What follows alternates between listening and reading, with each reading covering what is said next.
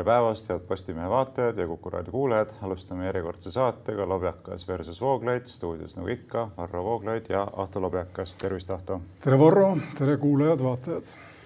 nii, sissejuhatus on juba sellises tempokas vormis läinud, sellepärast et loodame täna käsitleda vähem või rohkem pealiskaudselt eh, koguni nelja teemat peatume esiteks äh, uuesti sellel metsateemal, kuna me oleme saanud teatavat kriitilist tagasisidet, ka mittekriitilist tagasisidet tuleb lisada, mitmesugust tagasisidet. Teiseks vaatame ühele konkreetsele kaasusele, mis käis ka meediast läbi sel nädalal. nimelt politsei on teinud trahviotsuse ühe noore muusiku suhtes, kes kutsus teisi üles osalema Toompea meeleavaldustel, laulma minema, kutsus teisi muusikuid sinna minema musitseerima kolmandaks peatume korraks uuesti meediateenustega seonduval, millest mõtlesime eelmises saates rääkida, aga ei jõudnud. Täpsemalt võib-olla selle tsensuuri perspektiivil vähem või otses, vähem või rohkem otseses tähenduses, mis sealt vastu vaatab.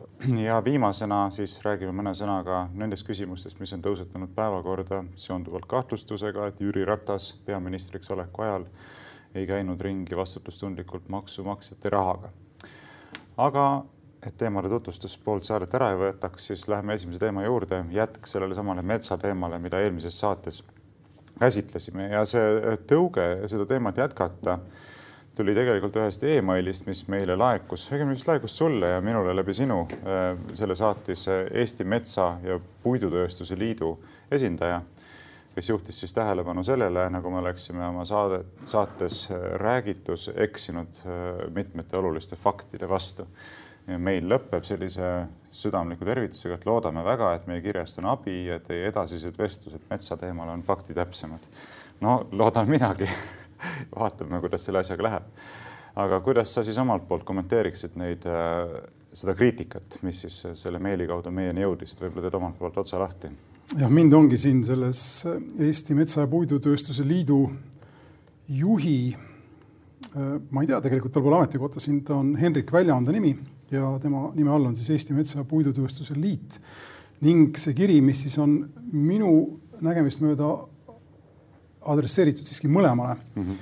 algab äh,, algab siis äh, pahameeleavaldusega, et me oleme eelmises saates äh, maininud või kasutanud mitmeid valefakte mm. -hmm. sõna valefakt on ka juba huvitav ja esimene siis valeväide või väide on see, et ma ütlesin, mina ütlesin siis et kaks tuhat viisteist kuni kaks tuhat kaheksateist aasta lõikes, selle perioodi lõikes kasvasid Eestis raiemahud võrreldes aastatega kaks tuhat neli kuni kaks tuhat viisteist kasvasid kaheksakümmend, kaheksakümmend viis protsenti ja võts-, ühesõnaga mina võtsin selle numbri ajakirjast Nature, mis oli teinud enda andmetele tuginedes üldise artikli, laiema artikli metsanduse, metsa raiumise ulatusest Ida-Euroopas, aga ka Põhja-Euroopas.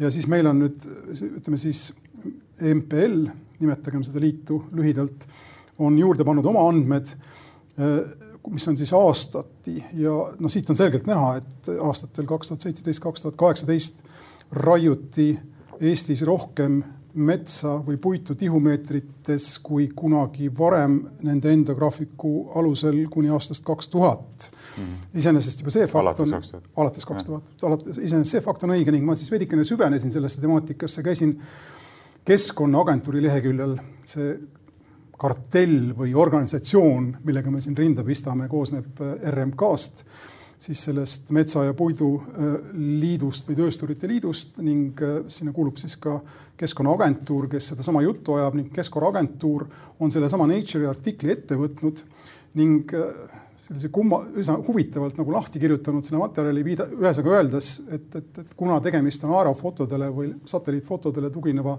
analüüsiga, siis seda, siis see ei saa kunagi päris täpne olla. ja see täpsuse küsimus tuleb meil hiljem ka veel natuke üles, aga las ta siin olla.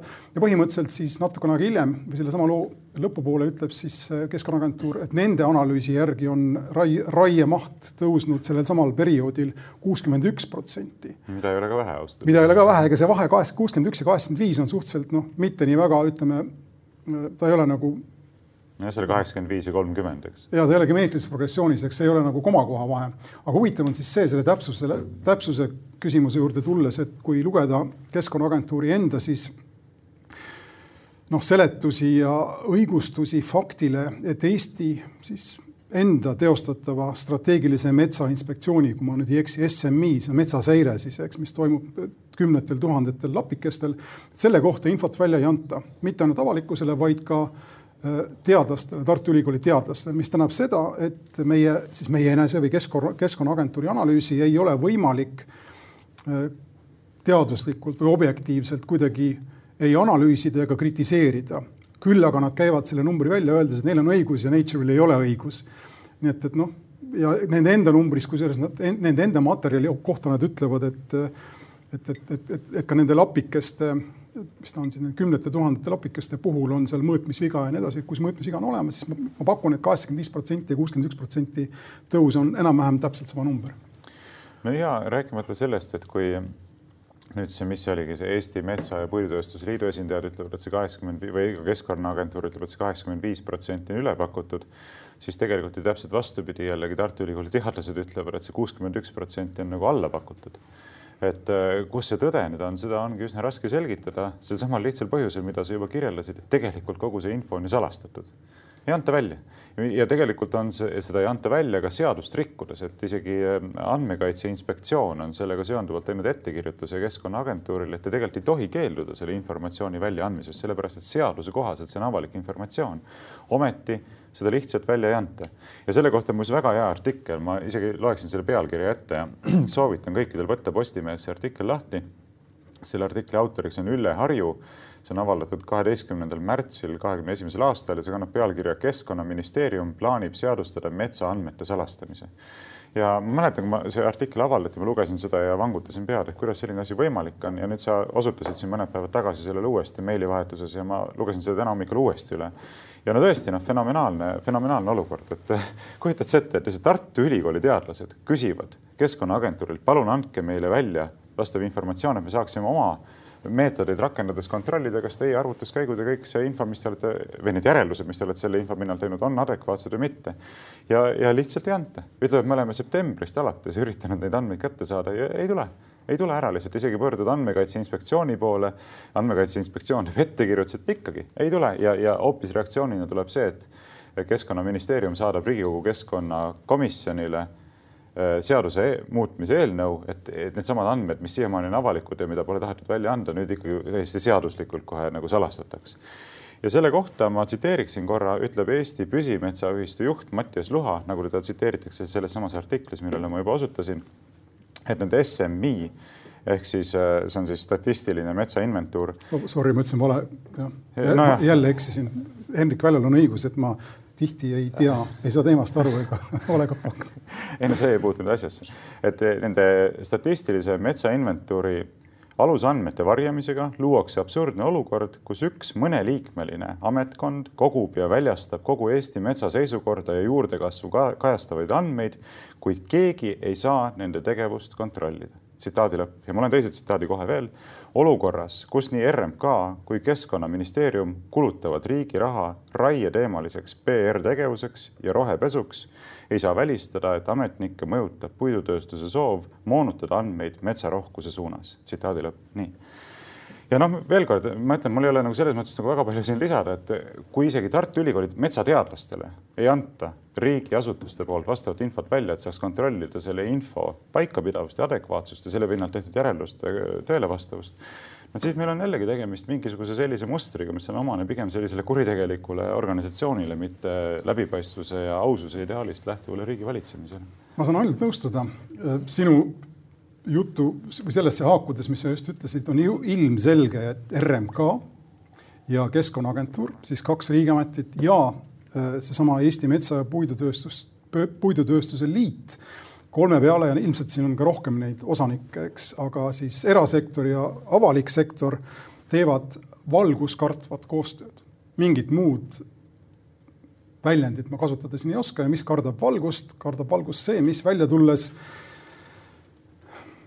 huve kahjustab või ma ei tea, teenistust või äh, mis iganes, kuidas seda kutsuda, eks, sest et me meenutagem ka seda, et äh, mida, mida sai öeldud möödunud saates, et RMK keeldub avalikustamast äh, neid kestvus, kestvuslepinguid, mis nad on sõlminud siis erinevate metsaraiujatega, kes riigimaadel puitu võtavad ning need lepped on tihti viis aastat pikad ja me ei tea ei nende sisu ega ka tegelikult ka seda, milliste ettevõtetega need on sõlmitud. nüüd on meil tegemist statistikaga või siis seirega, mille, mille andmeid ei taheta jagada ei avalikkuse ega, ega Tartu Ülikooli teadlastega.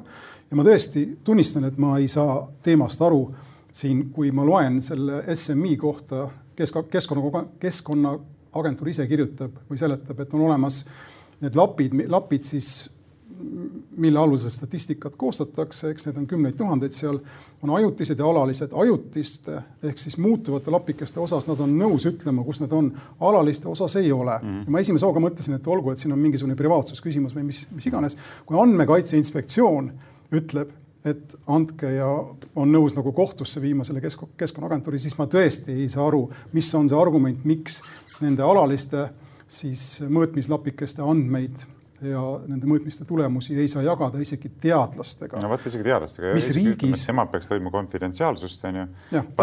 allkirjastavad lepingud. ka see on võimalik. sest no mingist kaalutlusest ma saan nagu aru, selles artiklis oli ka sellele osutatud, et et ministeeriumi hinnangul ei tohiks metsaomanik või majandaja teada nende statistilise metsainventuuri proovitükkide asukohti, sest võib selle teadmise järgi muuta teadlikult või alateadlikult oma metsa majandamise otsuseid, onju. seal oli öeldud umbes, et selle lapikese jätame puutumatu, sealt ümber raiume öö, puhtaks, onju, ja siis hakatakse vaatama seda, näed, lapi peal on kõik puud alles, eks ole. okei okay,, ma saan sellest kaalutlusest aru, aga seda saaks tasakaalustada täpselt niipidi, et need ei ole täiesti avalikud. aga ütleme niimoodi, et teadlastele vähemalt on informatsioon kättesaadav, et keegi saab seda kuidagipidi kontrollida. Või noh, mingisugune asi peab siin olema või, või siis kasvõi nii, et need ütleme, ei ole täpselt teada, kus see lapik on, aga on teada, kus see piirkond on, eks. aga mina isegi ei saa sellest põhimõttest aru, no olgu, Keskkonnaagentuuril on mingi oma jutt, eks, aga põhimõtteliselt on ju võimatu selline asi, et sa saad teha objektiivset statistikat alustel, mida ei ole võimalik kontrollida. no see on jama, jah. See, see on absurdne. No.. riigil ei tohiks olla sellist statistikat, eriti kui selle põhjal tehakse järeldusi, mis puudutavad siis Eesti metsa arengut või Eesti metsa äh, noh, röövi, mulle tundub.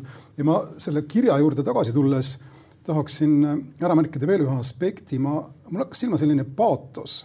ma ei tea, kas see on, ma kardan või oletan, et see ei ole Hendrik Välja enda paatos, tegemist on metsa- või puidutöösturiga, talle ilmselt ei ole selline luuleline stiil või no jumala eest, kui ma talle liiga teen, siis vabandan ette, eks, aga siin need lõigud algavad ühe sõna väljatõstega, nagu oleks tegemist mingi deklaratsiooni või ma ei tea, iseseisvus äh, iseseisvuse väljakuulutamise või millegi sellisega küll ja siis tuleb järgmine rida, aga juhiksime tähelepanu, mõistame, järgmine rida, igati, et äkiline Swedbanki andmetel on.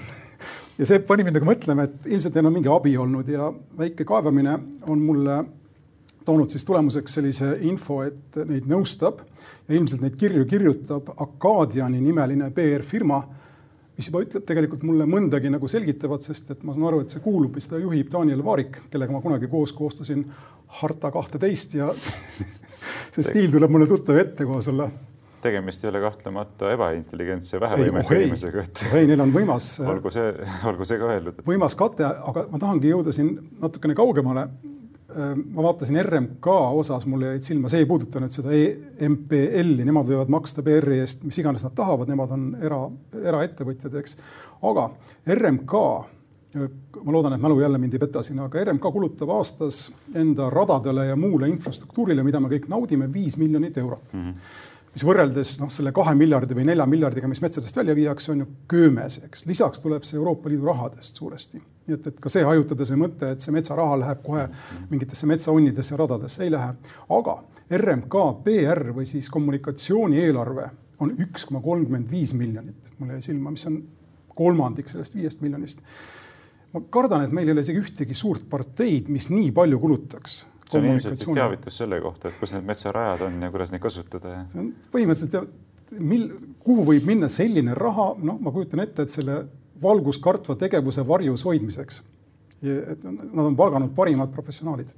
ei oleks üllatav jah aga kui eelmises saates sai tehtud üleskutse, et tegelikult selle metsa teemal, mis puudutab kõiki meid Eesti elanikena, kelle elukeskkonna osaks mets ju kahtlemata on, võiks korraldada sellised põhimõttelised, põhimõttelise tähtsusega rahvahääletused, näiteks mis puudutab pesitsusrahu või mis puudutab seda, millist puitu võib Eestist välja viia, toormaterjali näiteks, siis ma teeks veel ühe üleskutse siin, et kui nüüd näiteks seesama Eesti, mis see oli, jälle mul läheb kohe see nimi meelest ära Henrik Välja juhitud organisatsioon. metsa- ja puidutööstuse liit, liit. jah, ütleb, et, et näiteks sinu ja minu poolt siin väljendatud äh, numbrid, faktilised andmed ei olnud täpsed, siis tegelikult peamiseks probleemiks, peamiseks probleemiks kogu selle teemaga seonduvalt minu hinnangul ongi see, et äh, suur osa väga olulisest informatsioonist on salastatud. nii, see on probleemi tuum ja, ja mis oleks lahendus? lahendus oleks see, et tuleb hakata seda informatsiooni avalikustama, siis me ei pea vaidlema siin, kellel on õigus või kellel ei ole õigus, sest tegelikult sel vaidlusel puudub igasugune mõte olukorras, kus tegelikult väiteid ei olegi võimalik üldse kontrollida, eks paljuski ongi tegemist hinnangute ja spekulatsioonide ja usuaktidega, eks.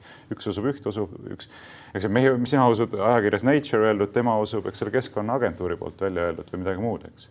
aga nii ei peaks asjad olema ja, ja selle taustaks on muidugi see laiem probleem, et noh, lihtsalt kohutavalt palju on nagu sellist salastamist siin riigis ikkagi, et mul isa on sellest pikalt rääkinud, et Nõukogude Liidu püsimise aluseks oli kaks peamist postulaati, üks oli põhjendamatu autoriteedi struktuur ja teine oli salastatus, eks kõik on salastatud. mõlemad on olemas meil selle keisus, selle kaasuse juures. mõlemad on olemas ja, ja mõlemad on väga tõsised probleemid, eks, aga see ei peaks ju nii olema, miks me ei võiks siis ikkagi pürgida sellise nagu riigimudeli poole, kus me ikkagi ei salasta ilmaasjata asju, no me näeme seda igal pool, eks, asutuse siseseks kasutamiseks, see tempel pannakse peale, peale praktiliselt kõikidele dokumentidele, mis väljastatakse doku-, väljastatakse ametiasutustest, kaasa arvatud Terviseamet. ma saatsin hiljuti teabenõude, ütlen, palun infot selle kohta, antakse mulle mingisugune formaalne vastus, kus tegelikult vastust ei olegi ja siis on tempel peal, ei tohi jagada kolmandat isikut. no mina ignoreerin täitsa rahulikult selle, sellepärast et seal ei ole mitte midagi sellist, mida ei tohiks jagada. aga siin võiks küll teha nii, et me ennem siin rääkisime omavahel et võiks ka Postimehes teha näiteks sellise kolm kuni viis tundi vältava debati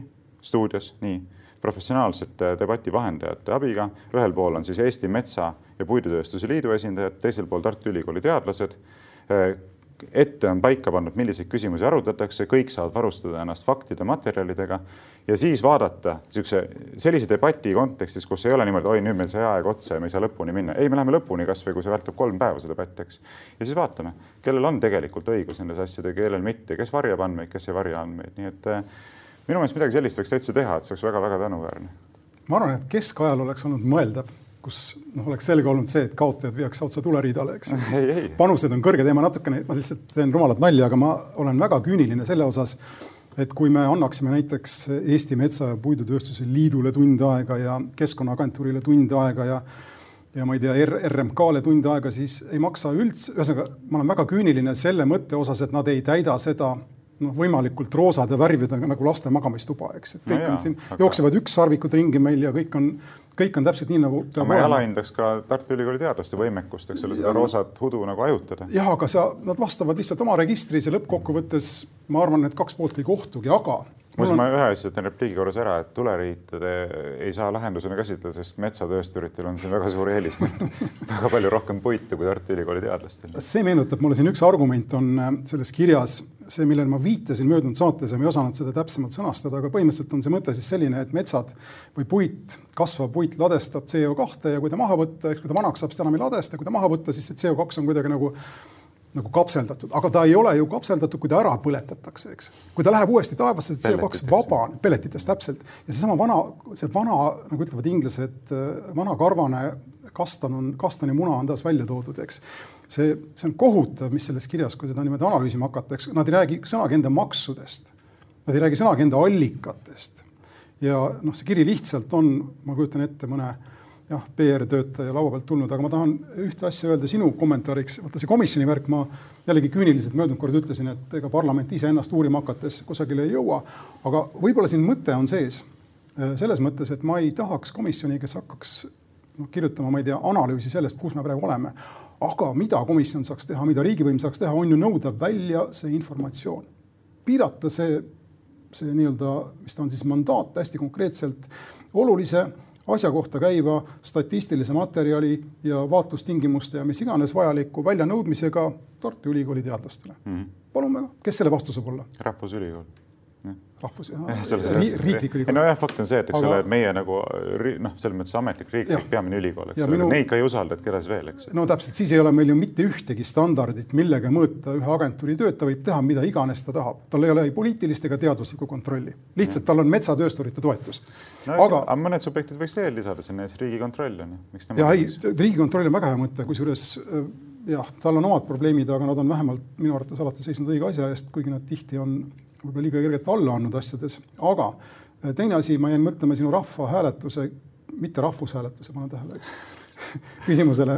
Ja tegelikult ma, kui ma selle nii-öelda premissi aktsepteeriksin või selle eeldusega lepiksin, siis sinna võiks panna küsimuse, kas metsa, kas metsana saab defineerida äh, vähemalt poole hektarise pindalaga ala, millel kasvavad vähemalt ühe koma kolme meetri kõrgused puud. just, just, minge sellisesse kohta ja ütelge siis selle kohta mets see on ametlik, see on Eestis ametlikult kehtiv metsadefinitsioon. ei, absoluutselt, see on tegelikult ka tohutult oluline aspekt, kahju, et see alles nüüd siin lõpus üles tuli, aga tegelikult see on ka oluline, mida me üleüldse nagu metsamaana käsitleme. me elame mingis Orwelli reaalsuses, kus mets on võsa ja võsa on mets ja nii edasi, ehk need sõnad ei tähenda mitte midagi enam no. mm -hmm. metsamaa muuseas on ka see, millega need mehed siin opereerivad, Hendrik Välja ja teised, muuhulgas metsamaa nime all, eks, on ka maa, mis on just puhtaks raiutud, sest ega ta ei kao ära kusagil, siin on tal puus mets, nad ütlevad, eks. aga kui ta on puhas, siis ta on ikka mets. nojah, arengufaasis lihtsalt varajases arengufaasis mul jätkus, mul jätkus sõnu, ma ei saa aru, kuidas sellest ei kirjutada doktoritöid puhtalt sellel tasandil, et milline see retoorika on ja mida ta kirjeldab ja kuidas ta töötab, eks mm. -hmm no siin on tööd kui palju ja oleks lihtsalt tõesti tänuväärne, kui sellest õnnestuks kuidagi läbi murda. lihtsalt võib-olla selle teema kokkuvõtteks ütlen lihtsalt ühe lausega selle asja veel ära, et äh, kõik raiemahud tegelikult, mis arvatakse lubatavaks, baseeruvad sellel hinnangul, kui palju on Eestis metsa, kui palju seda on juurdekasv, palju on vähenemine, eks nii. kui info selle kohta, kui palju on Eestis metsa, on salastatud, siis tegelikult meil on tegemist mingisuguse ususektiga, mitte mingisuguse ratsionaalsed ja läbipaistvad. kas ma tohin torgata vahele? Leninil oli ilus sõna selle kohta. metsasektor siis riiklik ja erametsasektor töötab voluntaristlikult, mis tähendab seda, et nad teevad seda, mida nad ise tahavad mm. -hmm. see on sõna voluntarism mõte. no ja siis otsitakse põhjendused selle õigustamiseks. kõik, aga ühesõnaga eesmärk pühendab abinõu ja, ja eesmärk on teha, mida nad ise tahavad. aga ma ütlen, et metsa- ja puidutööstus võiks ise ka siis olla huvitatud, sest kui te ei taha sellist kriitikat kuulda, kui te arvate, see on ebaõiglane, siis olge ise ka selle poolt, et andmed avalikuks, kõik sa oled, sa oled väga idealistlik. ei no jaa, aga lihtsalt, kui te ei ole selle poolt, siis ei ole mõtet ka kritiseerida siin kedagi teist. siin käib jutt miljardistest sissetulekutest Eesti on isegi hea koht, et inimesed, kes metsa eest võitlevad, ei ole lõpetanud samamoodi nagu korruptsiooniuurijad Slovakkias näiteks. ma, hakkan tõsiselt mõtlema sellistele võimalustele, sorry, kui ma seda loen. nojah, oleks kurb küll, kui see nii läheks. väga kurb aga ilmselt see ei ole viimane kord, kui me seda teemat käsitleme, selle saate peal tuleb ka ilmselt mingisugune laviin jälle tähelepanekuid suhtekorraldajatelt, mis me valesti kohtukutseid. ja miks mitte ka seda, onju, aga noh, elu näitab, aga lähme teise teema juurde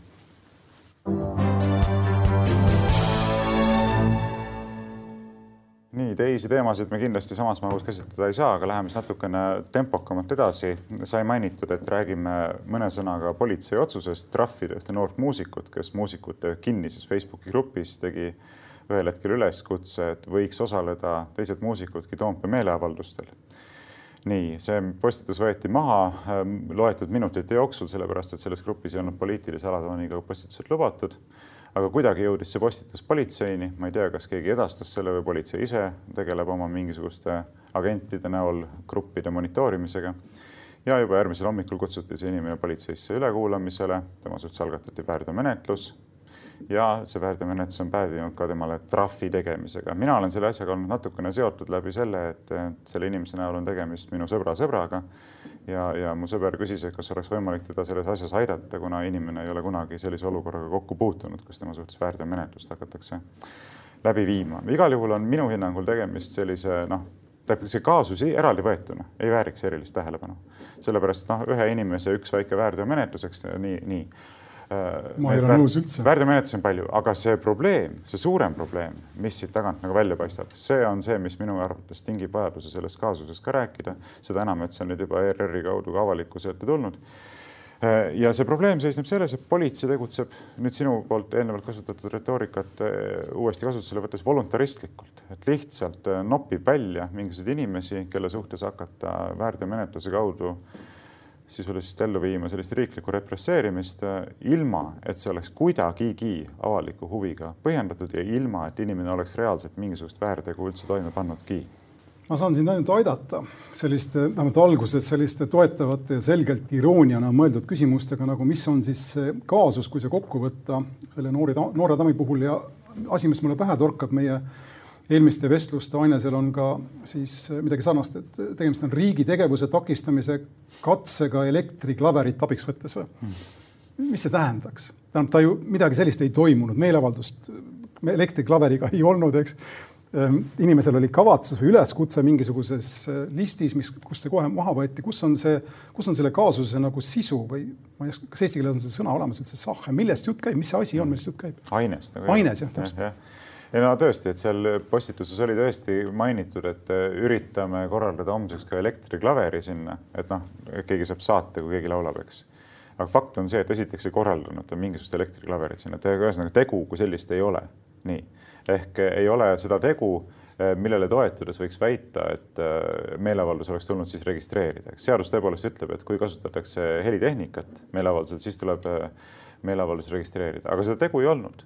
tema ei organiseerinud sinna mingisugust helitehnikat, nii ehk teisisõnu on juba see äh, süüdistus täiesti alusetu ja noh, rääkimata sellest, et seesama väike postitus Facebookis, et tulge sinna homme laulma või pilli mängima, on nüüd politsei arvates siis tegu, mis teeb sellest inimesest, kes selle postituse tegi, meeleavalduse korraldaja. kujutad sa ette? Et tegelikult see, see nõue ju, et meeleavaldus tuleb registreerida, kui kasutatakse helitehnikat, kehtib meeleavalduse korraldajatele aga kui on juba toimunud, ma ei tea, neli või viis või seitse päeva meeleavaldused, kus on kasutatud pidevalt helitehnikat, on ju. seda, seda enam jah. ja sa teed Facebookis postitus, tulge ka, lähme laulame seal nagu midagi professionaalset, inimestel oleks ilusam kuulata ja nii edasi, eks. siis nüüd ühtäkki sina muutud läbi selle üleskutse, selle meeleavalduse korraldajaks. põhimõtteliselt üks läbi Eesti ajaloo ja rahvuspärandi kuulsamaid üleskutseid, üleskutseid kuriteole, vähemalt tänase Eesti mõistes on siis laena kannelt vanemuine ma hakkasin mõtlema praegu, et me oleme ju riik või rahvus või rahvas või kuidas iganes seda defineerida, eks, mis sai enda iseseisvuse tagasi läbi laulva revolutsiooni. kui nõukogudeaegne miilits oleks koosnenud Eesti, tänase Eesti politseinikest oleksid Alomatiisina kõik need inimesed, kes seal seda muusikat tegid ammu või ühesõnaga oleksid kohe kinni läinud, eks ja mingit, mingit öölaulupidu ja muud sarnast poleks toimunud mm. -hmm. seda mõtet edasi kerides ma lihtsalt, ma muidugi parodiseerin grotesk, groteskselt, aga ma ei näe, et midagi muud võiks nagu ilmestada selle asja tõsidust, eks. kui siit edasi kerida seda mõtet, siis mul on meeles siin paar aastat tagasi oli meil laulu- ja tantsupidu, kus vist ilm rikkus ära midagi, aga mingil hetkel korraldati spontaanselt Vabaduse väljakul selline no mingi noortetants või mis iganes, eks ma ei mäleta, et politsei oleks sinna koerte ja eriväelastega kohe sekkunud, eks, või kellegi kinni võtnud. vastupidi, see oli suurepärane asi, aga siit jällegi kasutades natukene varasemat terminoloogiat, ma saan aru siis niimoodi politsei vaatepunktist, et kui üritus toetab valitsevat ideoloogiat, ei ole häda midagi, ta, ma ei, ei taha midagi halba öelda laulupeo kohta praegu, aga kui üritus ei toeta valitsevat ideoloogiat, siis seadus põhimõtteliselt reageerib kogu oma karmusega. jah, rääkimata sellest, kui üritus on suunatud valitsuse poliitika vastu. ma tahan lõpetuseks, selle mõtte lõpetuseks ma või selle teema lõpetuseks enda poolt ma tahan öelda, et mul ei ole mingisugust sümpaatiat või arusaamist inimeste suhtes, kes lähevad tänavale selleks, et öelda maske kanda pandeemia ajal ei tohi või ei peaks või, või ärge ennast vaktsineerige, see kõik on vale ja ma arvan, et see on rumal, aga igaüks, kes vähegi seda selle peale mõtleb, peab ju aru saama, et siin on palju põhimõttelisem küsimus ennem, mis tuleb ära lahendada. Ja see on küsimus sellest, kas inimene või inimesed võivad avaldada Eestis, Eesti riigis meelt või ei või meelt avaldada. ja siis hakkame arutama, kui see õigus on tagatud, siis alles saame ja võime hakata arutama selle üle, kas see on mõistlik meeleavaldus või mitte, aga meeleavalduse korraldamise õigust ja meele avaldamise õigust ei saa keegi kodanikelt ära võtta. Ja kui seda niimoodi üritatakse, siis me oleme tagasi ringiga ise seda märkamata Nõukogude Liidus absoluutselt, ma alustan ka siis oma lõpusõnavõttu selle teema käsitluseks reservatsiooniga, et mina arvan, et on väga rumal äh, pooldada maskide kandmist massiliselt ja vaktsineerimist, ilma et oleks teaduslikku alust, mis ütleks, et see on reaalselt vajalik selle viiruse leviku ohjeldamiseks. aga, aga nõus olen ma muidugi sinuga selles osas, et äh, et tõesti, kui politsei hakkab otsima võimalusi naeruväärsetel alustel inimeste suhtes väärteomenetlusi teha ja neid karistada, eks.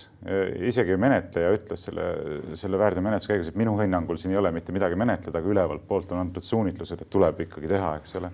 no siis tegelikult politsei kahjustab iseenda mainet sellega ja see on üks väga paha asi. ma tahan ühte asja veel öelda siis lühidalt, ma kordan enda, enda ja sinu siis üleskutset möödunud ja ülemöödunud saatest. Elmar Vaher jumala eest peab tagasi astuma, et sihuke asi ära lõpeks.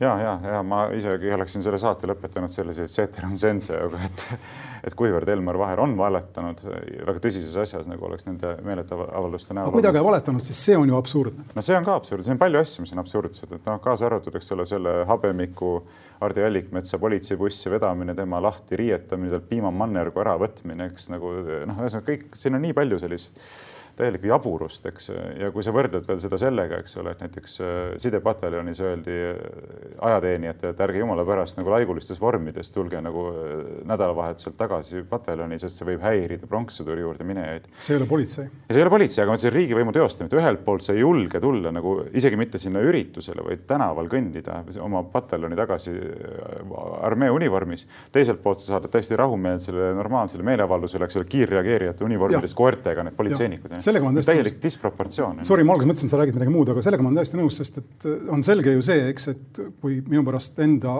avalikku liikumisvabadust teostavad meie Vene kodanikud, venekeelsed kodanikud, siis me ei taha, et nende seas saaliksid äh, siis sõdurivormides inimesed, sest et. koertega kiirreageerijad. ühesõnaga, see oleks mõistetav, selgelt valesti mõistetav, sellel ei ole mingit mõtet, see oleks rumal ja see oleks ka põhimõtteliselt ohtlik, eks. ja kui me tõesti, meil on nüüd riik, mis ühtepidi on nii ettevaatlik ja teistpidi on nii karm nagu tonn telliskivi kukub peale sellele tüdrukule, siis jah. jah, jah, millegipärast nagu koertega kiirreageerijaid sinna pronkssõduri juurde ei saadetud ja jumal tänatud ei saade, et ei saadetud, eks, aga see näitab lihtsalt, et äh, käekirjas ilmnevad mingid väga imelikud sellised äh, järjepidevuse puudused. Oportunism ja pead, peataolek, ma ütleksin. just, aga olgu, tõmbame selle teemaga kokku ja läheme järgmise teema juurde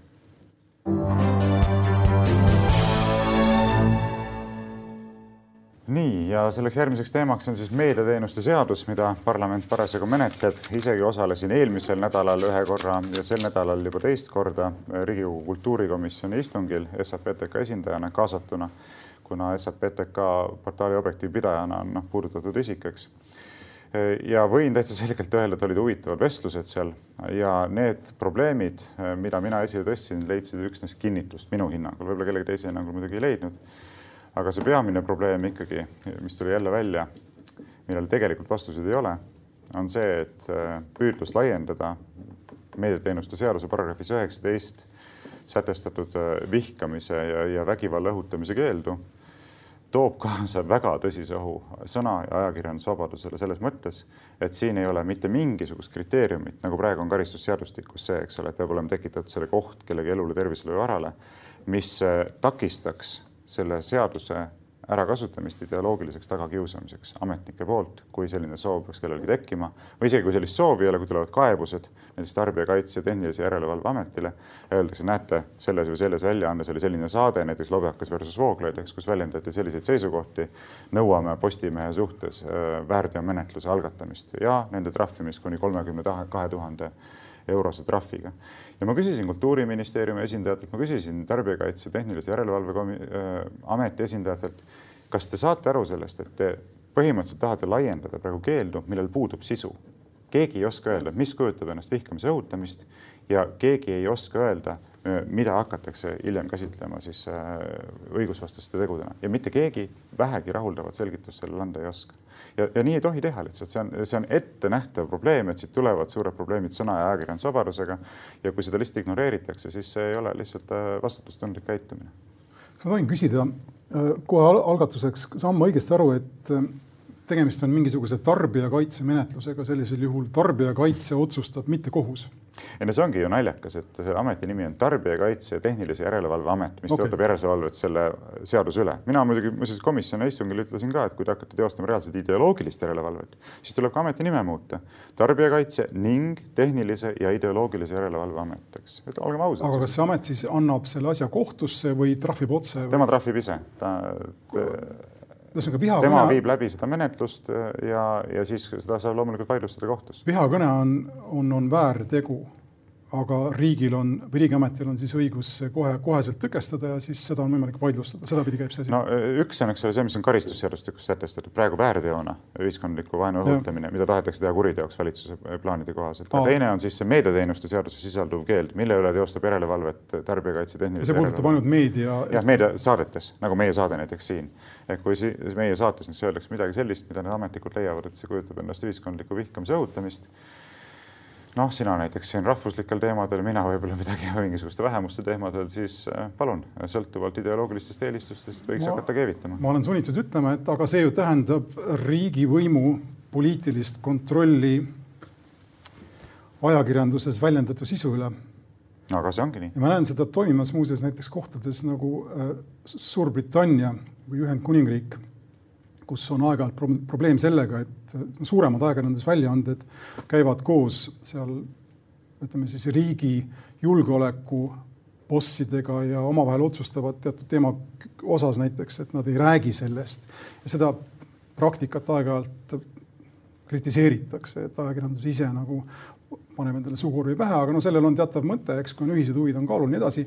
aga ma toonitan siis, tegemist ei ole mingisuguse ameti otsusega, vaid tegemist on ajakirjanduse poolt kas välja valitud või siis esile kerkinud selliste juhtfiguuridega, kes siis ma ei tea, läbirääkimistes või aruteludes valitsuse esindajatega millegi, millegagi lepivad või ei lepi mm, -hmm. eks vähemalt siin käib mingisugune kahekõne.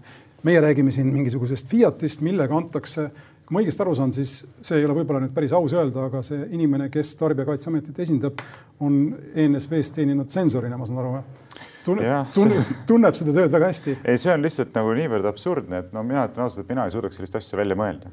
et mõnikord nagu elu on nagu äh, leidlikum kui inimese fantaasia, et äh, tõepoolest äh, huvitav asi on võimalik esile tuua et ma vaatasin seda Tarbijakaitse Tehnilise Järelevalve Ameti isikukoosseisu, eks kontaktide lehelt igaüks võib ise vaadata ja ma leidsin sealt ainult ühe ametniku kelle ametinimetus siis nagu võiks osutada sellele, et tema peakski olema siis see inimene, kes hindab, kas mingisuguses saates väljendatud seisukohad kujutavad endast vaenu vihkamise õhutamist või mitte.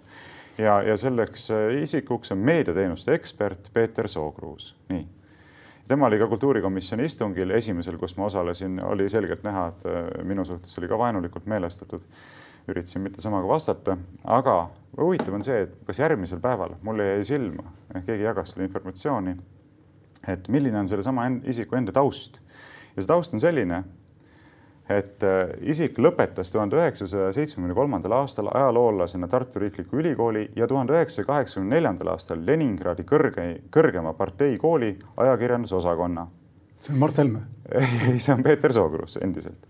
ja nüüd on huvitav, veel aastatel, pane tähele, aastaid ka, kaheksakümmend neli kuni kaheksakümmend üheksa ehk siis kohe pärast seda Leningradi kõrgema parteikooli ajakirjandusosakonna lõpetamist sai ta töökoha Eestimaa Kommunistliku Partei Keskkomitee instruktori ja ideoloogia osakonna juhataja asetäitjana.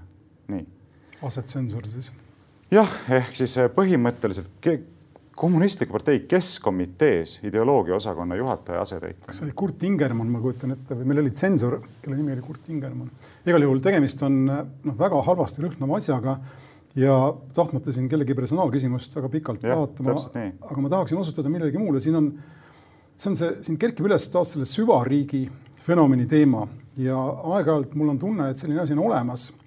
ja ma peaaegu et saan aru paremäärmuslastest, kui nad seda kardavad, mina isiklikult teda väga ei karda, aga aga, aga ma näen ka täiesti seda võimalust, et see mõõk, mis siin praegu või see püss, mis seinale kinnitatakse, hakkab teises suunas laskma, eks me, see eeldus on meil olnud päris algusest peale, aastakümneid juba. siis kui Edgar Savisaar sai korra võimule ja sealt ära läks, siis hakkas riik selle nimel töötama, et kui ka peaks sama no ütleme siis mõni mitte rahvuslikult meelestatud erakond võimule, antud juhul, et siis riik äh, ei, ei, ei muudaks kurssi, ehk siis ankurdad põhimõtteliselt ametnikkonna ja, ja avaliku sektori mingile si sihile või liinile, mida on praktiliselt võimatu muuta poliitilise tahtega. ja teatud mõttes ma arvan, et see on õige, aga sellistes küsimustes, kus tekib ju lühiühendus poliitilise, ütleme valitsuse suva ja arvamusvabaduse sisu vahel sellist asja olla ei tohiks. ja, ja see on, see on halb, ükskõik kus suunas seda vaatad. no täpselt, siin on ju kaks võimalust, millisele alusele toetudes olla sellisele asjale vastu. üks on idealistlik alus, eks, et sa põhimõtteliselt arvad, et riik ei peaks tegutsema tsensorina, eks aga teine alus võiks olla selline, ütleme, madalamale instinktile toetav, et see, et kui sa lood sellise võimaluse, vähemalt mõtle selle peale, et seda võib ka sinu vastu kasutada. no see ei olegi idealistlik, ma tahan tagasi tulla selle esimese mõtte juurde, see esimene, esimene äh, point rikub ju fundamentaalselt võimude lahususe ja võimuse, võimude tasakaalustatuse printsiipe, eks. seda inimest, kes siis seda tsensuuri või mis iganes teostama hakkab, kontrollib väärteo tasandil ainult valitsus ja valitsus teatavasti omab võimu riigis, eks, opositsioon ei oma võimu riigis. järelikult, kes iganes on need parteid, kes valitsuse moodustavad, omavad totaalset kontrolli selle üle, mida lehtedes võib avaldada teatud mõttes. no põhimõtteliselt küll, jah. mitte päris totaalselt, sa võid alati öelda no põhiseadus ja nii edasi. esu natukenegi usutav. aga sa võid elu väga keeruliseks teha inimestel, kes sulle ei meeldi. absoluutselt, absoluutselt. nagu Putin, täpselt nagu Putinil no mehhanismid võimaldavad seda, et nüüd me peame ainult hinge kinni hoidma, et seda siis kasutama ei hakata, eks, et kui palju seda kasutama hakatakse, aga kõike seda need mehhanismid võimaldavad ja mina ütlen väga selgelt, et ka selliste võimaluste võimaluste loomine on juba täiesti vale. kusjuures, kas mitte midagi sarnast ei tahtnud EKRE just ERR-i suunal kehtestada, et ERR esindaks poli-, riigi ja valitsuse mis iganes poliitilist tahet. ja ma ei taha siin asju segama, segamini ajada, aga inimesed, kes seda täna teevad, ei ole ju EKRE-st, eks Nad peaksid täpselt teistpidi suhtuma sellesse küsimusse, ehk siis tajuma seda, et poliitilise meelestatuse süstimine ajakirjandusse, ka riigiajakirjandusse on keelatud jah, kuigi see kontseptuaalne vahetegu on muidugi oluline, sest ühel puhul me räägime erameediast, teisel puhul riigimeediast. nojah, see on laiem teema. sellest räägime eraldi. aga ma lisan omalt poolt ühe asja veel, mida ma ütlesin ka kultuurikomisjoni istungil, enne kui läheme mõneks minutiks viimase teema juurde, on see, et vaata, võib meid kritiseerida, siin me oleme kasutanud sõna tsen-, tsensuur ja tsenseerimine ja nii edasi, eks. Öelda, et ei, tsensuur see ei ole, te eksisite, tsensuur on see, eks ole, kui ajakirjandusväljaanded peavad esitama eelkontrolli oma materjalid, näiteks meie teeme siin sinuga saadet, eks ole.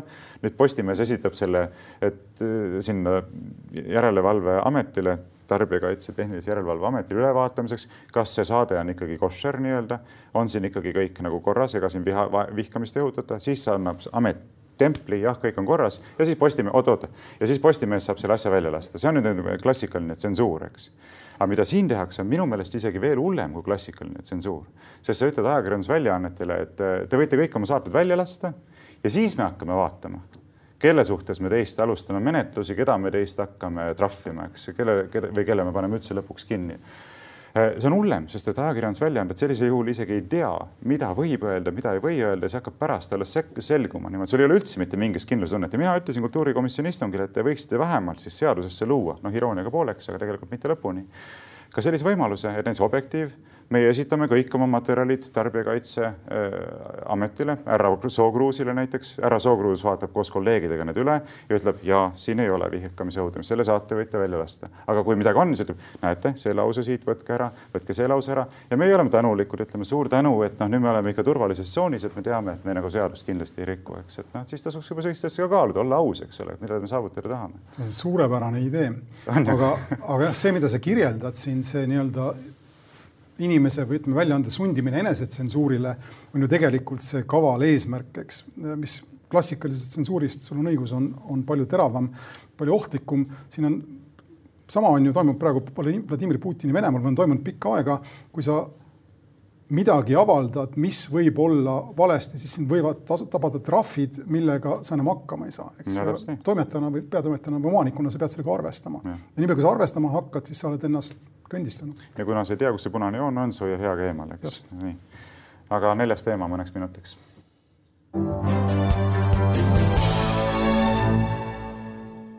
Ja nagu öeldud, neljanda teemana mõtlesime peatuda. Küsimusel sellest, mida arvata siis eh, nendest nii-öelda paljastustest, millega Ekspress on välja tulnud seonduvalt kulutustega, mida Jüri Ratas eh, tegi peaministrina oma visiiti korraldades ja muud sellist heldet käekirja üles näidates, et äh, ma ei ole kindel, et me siin mõlemad rohkem saame öelda kui ühe, ühe repliigi, aga alusta siis sina. vaadake meeme, ma võiksingi sellega piirduda, aga nii palju on neid geniaalseid pildisse seadmisi, eks Ratas siin ja seal ja Viimset söömaaega pidamas ja mis kõike veel. Ja see kõik ütleb teile ära selle, mis on oluline, aga kui ma pean tõesti midagi veel sõnadesse panema, siis ma tahaksin osutada sellele, et see on, tegemist on laiema probleemiga, see on meie riigiga kaasas käinud äh, selle algusest peale, vähemalt uue riigiga nüüd. ja see probleem on nimelt siis selles, et inimesed, kes saavad võimule, kaotavad ära taju selle osas, kust jookseb piir nende ja avaliku vara vahel.